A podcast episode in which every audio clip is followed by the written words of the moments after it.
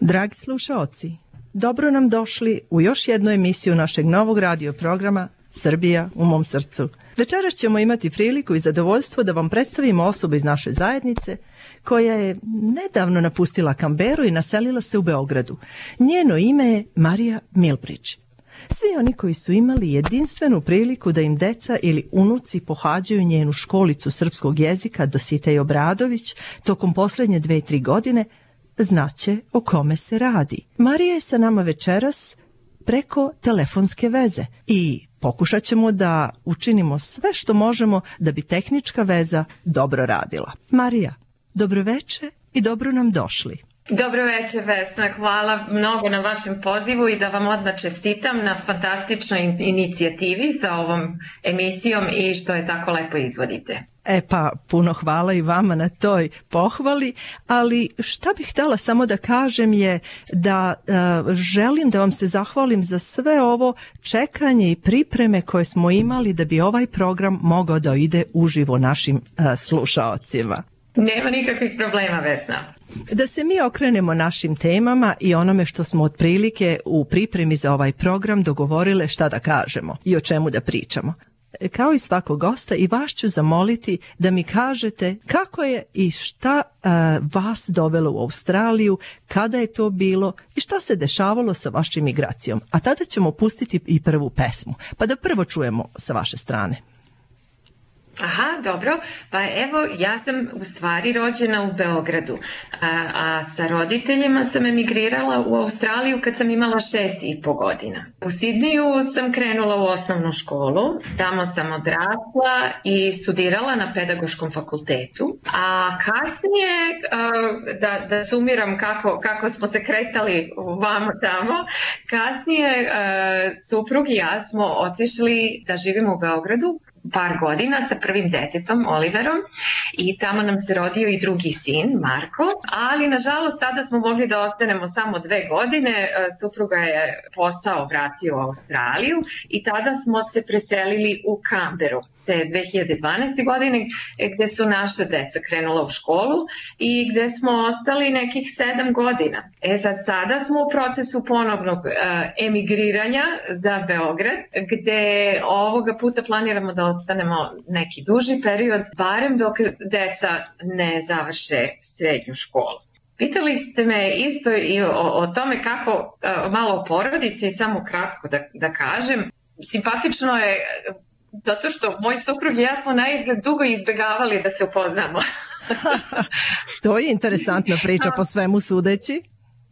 Da, da, pa kao deca, to je zato, kao deca smo oboje odrastali u opštini Palilula u Beogradu. On na Karaburmi i ja blizu botaničke bašte, što kažu u krugu dvojke. Majke su nam čak posećivale istu pijacu, Bajlonijevu, a on je redovno čekao autobus kad je bio malo stariji baš ispred moje zgrade ali se ipak tada nikad nismo upoznali u Srbiji. Trebalo je da prođe 20 godina da je Ivan emigrirao za Australiju, da se zaposli u, u severnom Sidneju gde sam i ja tada radila i čak i tada smo izgleda izbjegavali da se upoznamo, nego su nas konačno zajednički prijatelji upoznali putem poziva na kafu. Eto, to je interesantno. Znači, Australija je bila vama suđena. Jeste. Odlično, Tako, odlično. Sada imamo dva sina i, i, i, i od 8 i 11 godina. E, tako. To, toliko naše porodice. Ja znam, ja sam ih upoznala kada sam dovodila svoju sobstvenu unučicu na vaše časove. Jeste, unuke. Jeste. Čekamo da, da, da, da još malo poraste ovaj mlađi. Jeste, da. Dobro, Marija, um, ima li još nešto što biste hteli da kažete u, vaše, u vezi vašeg um, dolaska i života u Australiji? Čime ste se bavili i kako je to bilo? Aha, pa evo ukratko, možda i, i to je malo neobično, a, a, a nema uvek vremena da se objasni kad pričam sa ljudima. Znači, nakon studija na Sidnijskom univerzitetu u sklopu e, pedagoškog fakulteta, znači Bachelor of Secondary Education, ja sam posle toga svoju karijeru razvijala u stvari um, oko rada sa ljudima, ali u nekim specializovanim poljima ljudskih resursa, znači human resources, uh, kao na primer management promera organizacione kulture, to je organizational change, planiranje ljudskih resursa, workforce planning i tako dalje.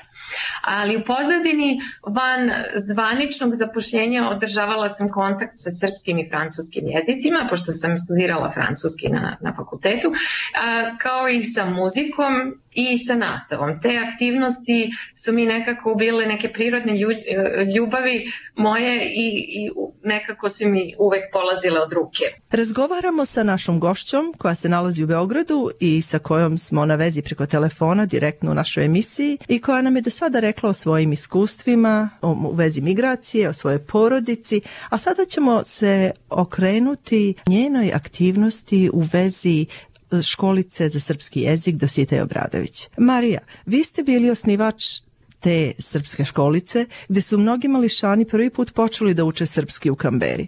Molim vas, recite nam gde ste vi naučili srpski jezik tako dobro, pošto ste odrasli ovde, i kako je došlo do osnivanja školice, koliko dugo ste je vodili, koliko je bilo dece i slično važi. Pa evo da se nadovežem na, na onu moju priču. Znači, uh, ja sam radila neke veoma zanimljive poslove, uh, ali 2015. godine sam rešila da se povučem iz korporativne priče i da pružim sebi taj luksus da se bavim sa nekim kreativnim projektima i jedan takav projekat je bio osnivanje srpske škole u Kamberi. E sad, kako je to počelo?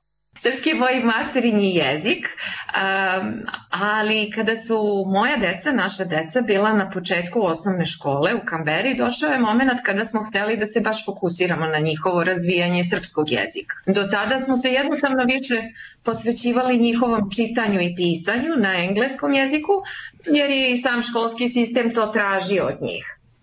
Ipak želeli smo da ih pošaljemo negde da uče srpski, ali i da se druže, i da kroz tu aktivnost dobijaju kontakt sa savremenom Srbijom. To su bili naši zahtevi, ali tako nešto jednostavno nismo nalazili, ni, izgleda nije postojalo. U isto vreme u školi gde su išla moja deca saznala sam za nastavnika koji je srpskog porekla.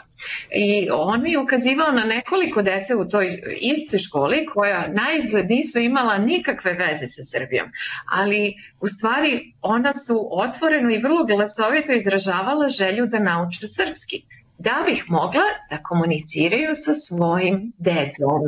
I to me je a, naravno intrigiralo i kada sam se još malo raspitala, zapanjio me detalj da roditelji te dece takođe nisu govorili srpski. I tako taj nastavnik i ja smo se složili da svakako želimo da im pomognemo, ali pošto ni njegov srpski jezik nije bio mnogo razvijen, više puta smo razgovarali o, o, o tome kako bismo mogli da sarađujemo, da, da toj deci pomognemo da ostvare svoju želju i da uče jezik svojih dedova. I kada je to bilo, I Marija?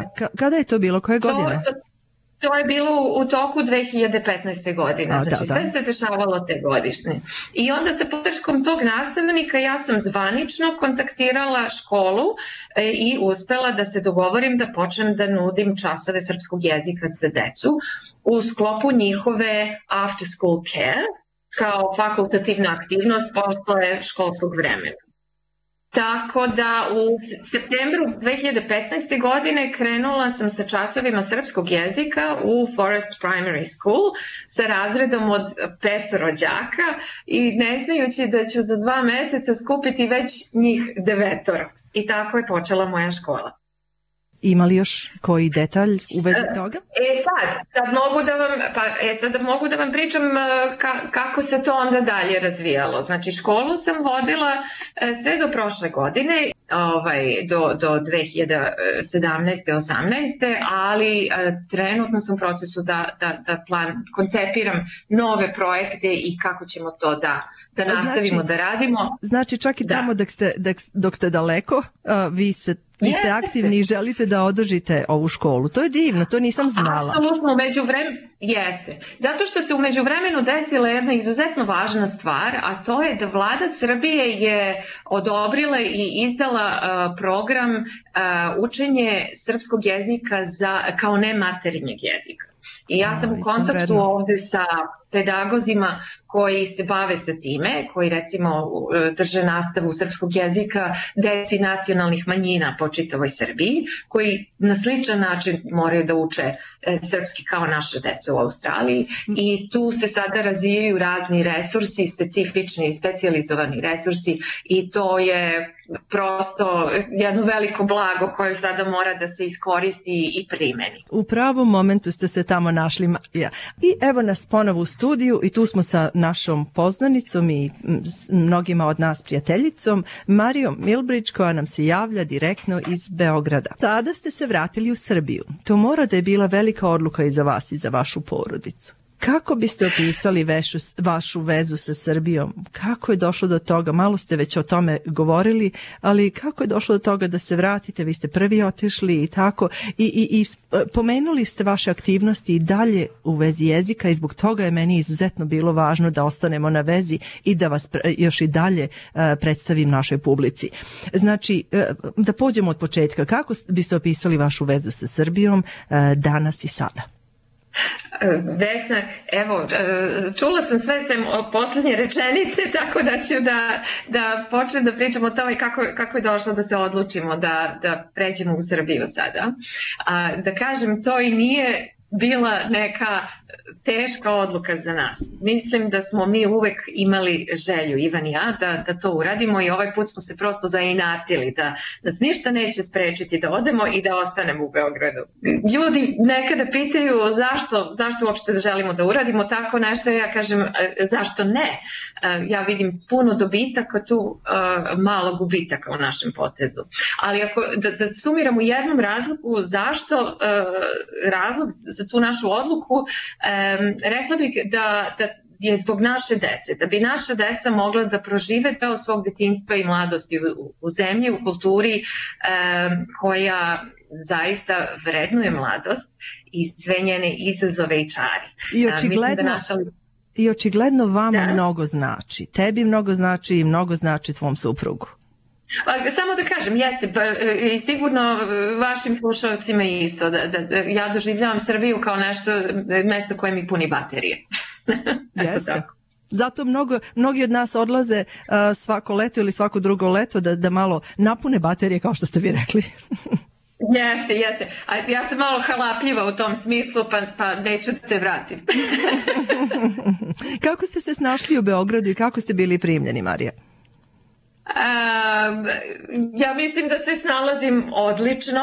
E sad, sa jedne strane doživljavam malo kao e, sebe kao emigranta sada ovde, sve malo sam sva drugačija njima, pa možda neke stvari radim naopako i tako, ali Srbi su jedan gostoprimljiv narod. Prosto, prosto čekamo posetioce otvorenih ruku, tako doživljavam Srbiju u Srbiji ne postoji polemika da li će se nekome smanjiti šanse da nađe posao ako im stigne veliki broj došljaka u, u, u Srbiju. ovaj, To je, to je malo da, razli, razlika između onoga što, smo, što ste ovde mogli da čujete dok ste bili i, i tamo, je li tako? Jeste, jeste. Ali eto, naučila sam da, da vozim vrlo brzo, mnogo brže, brže nego što sam očekivala. Um, I tako, ispred mene su gomila tih nekih praktičnih svakodnevnih E, izazova, kako se otvara račun u banci, kako se učlanjuje u Automoto Savez Srbije. a sa svim tim, a sa svim tim svakodnevnim sitnicama, a, ja sam zaista e, sa oduševljenjem čula sada, malo pre kada ste pomenuli, da i dalje radite, da ste dalje na vezi a, e, sa ljudima i programima i aktivnostima koje će omogućiti našoj deci u Australiji da uče srpski jezik. Recite pa malo. znate šta, imam priliku da budem spona e, sada. Ja, e, mislim da sam, da sam spomenula u našem razgovoru ranije da a, ne može nikad čovek da, da totalno otpiše svoju prošlost. Ja, kao, kao što ne mogu da, nikad u Australiji da otpišem e, svoju srpsku stranu ličnosti, tako i ovde u Srbiji ne mogu da zaboravim i da, da odbacim e, svoju australijsku stranu. I imam šansu sada da um, na primer, da, da konstantno na, nalazim nove fantastične resurse za učenje, za učionicu, koji mogu da pomognu deci da, da lakše nauče srpski. Meni je to velika frustracija u, u Australiji da ne mogu lako da odem negdje i da kupim neki kvalitetan srpsko-engleski rečnik. Naravno. Da ne mogu da, kup, da redovno kupim svoje deci, ne mogu lako da, da odem i da prelistam nek, mnoštvo divnih, divnih dečjih knjiga a, koje se štampaju ovde, Jeste. kvalitetnih, lepo izraženih. Morat ću, morat ću ovde samo malo da vas, da vas prekinem i da kažem ono što smo razgovarali, da ću vas pozvati uskoro opet pa da pričamo malo viš, u više detalja o tim mogućnostima da se nabave knjige. Imamo mi tu određene i lokalne, a i recimo u Melbourneu i u Sidneju e, organizacije koje mogu da nabave knjige, ali je jako važno yes. da se ima neki čovek koji je tamo. Mi imamo imamo uh, zaista možda jedan minut još da razgovaramo. Da li bih da. mogla da vas, da vas zamolim da nam budete veza sa kulturnim događanjima i jezičkim događanjima u Beogradu i u Srbiji? Svakako, Vesna, sa zadovoljstvom i ja bih čak pozvala vaše uh, slušatelje da, da vama jave šta to njih interesuje, koji su njihovi izazovi, koje su njihove frustracije, šta bi to oni voleli uh, da mogu lakše da dobiju iz Srbije. Što se tiče informacije ili resursa razam raznih. Da, I mene da, bi da. bilo bi interesovalo. E, to, to je jako važno. Ja uvek pozovem slušalce da nam se jave i zaista um, postoji naša web stranica i još ćemo raditi više na tome. A, ja vam se puno zahvaljujem. Marija, bit ćemo na vezi. Puno hvala što ste posvetili toliko puno prostora i vremena danas našoj emisiji. U ime naših slušalaca ja vam se zahvaljujem. Moje ime je Vesna Cvjetićanin. Marija,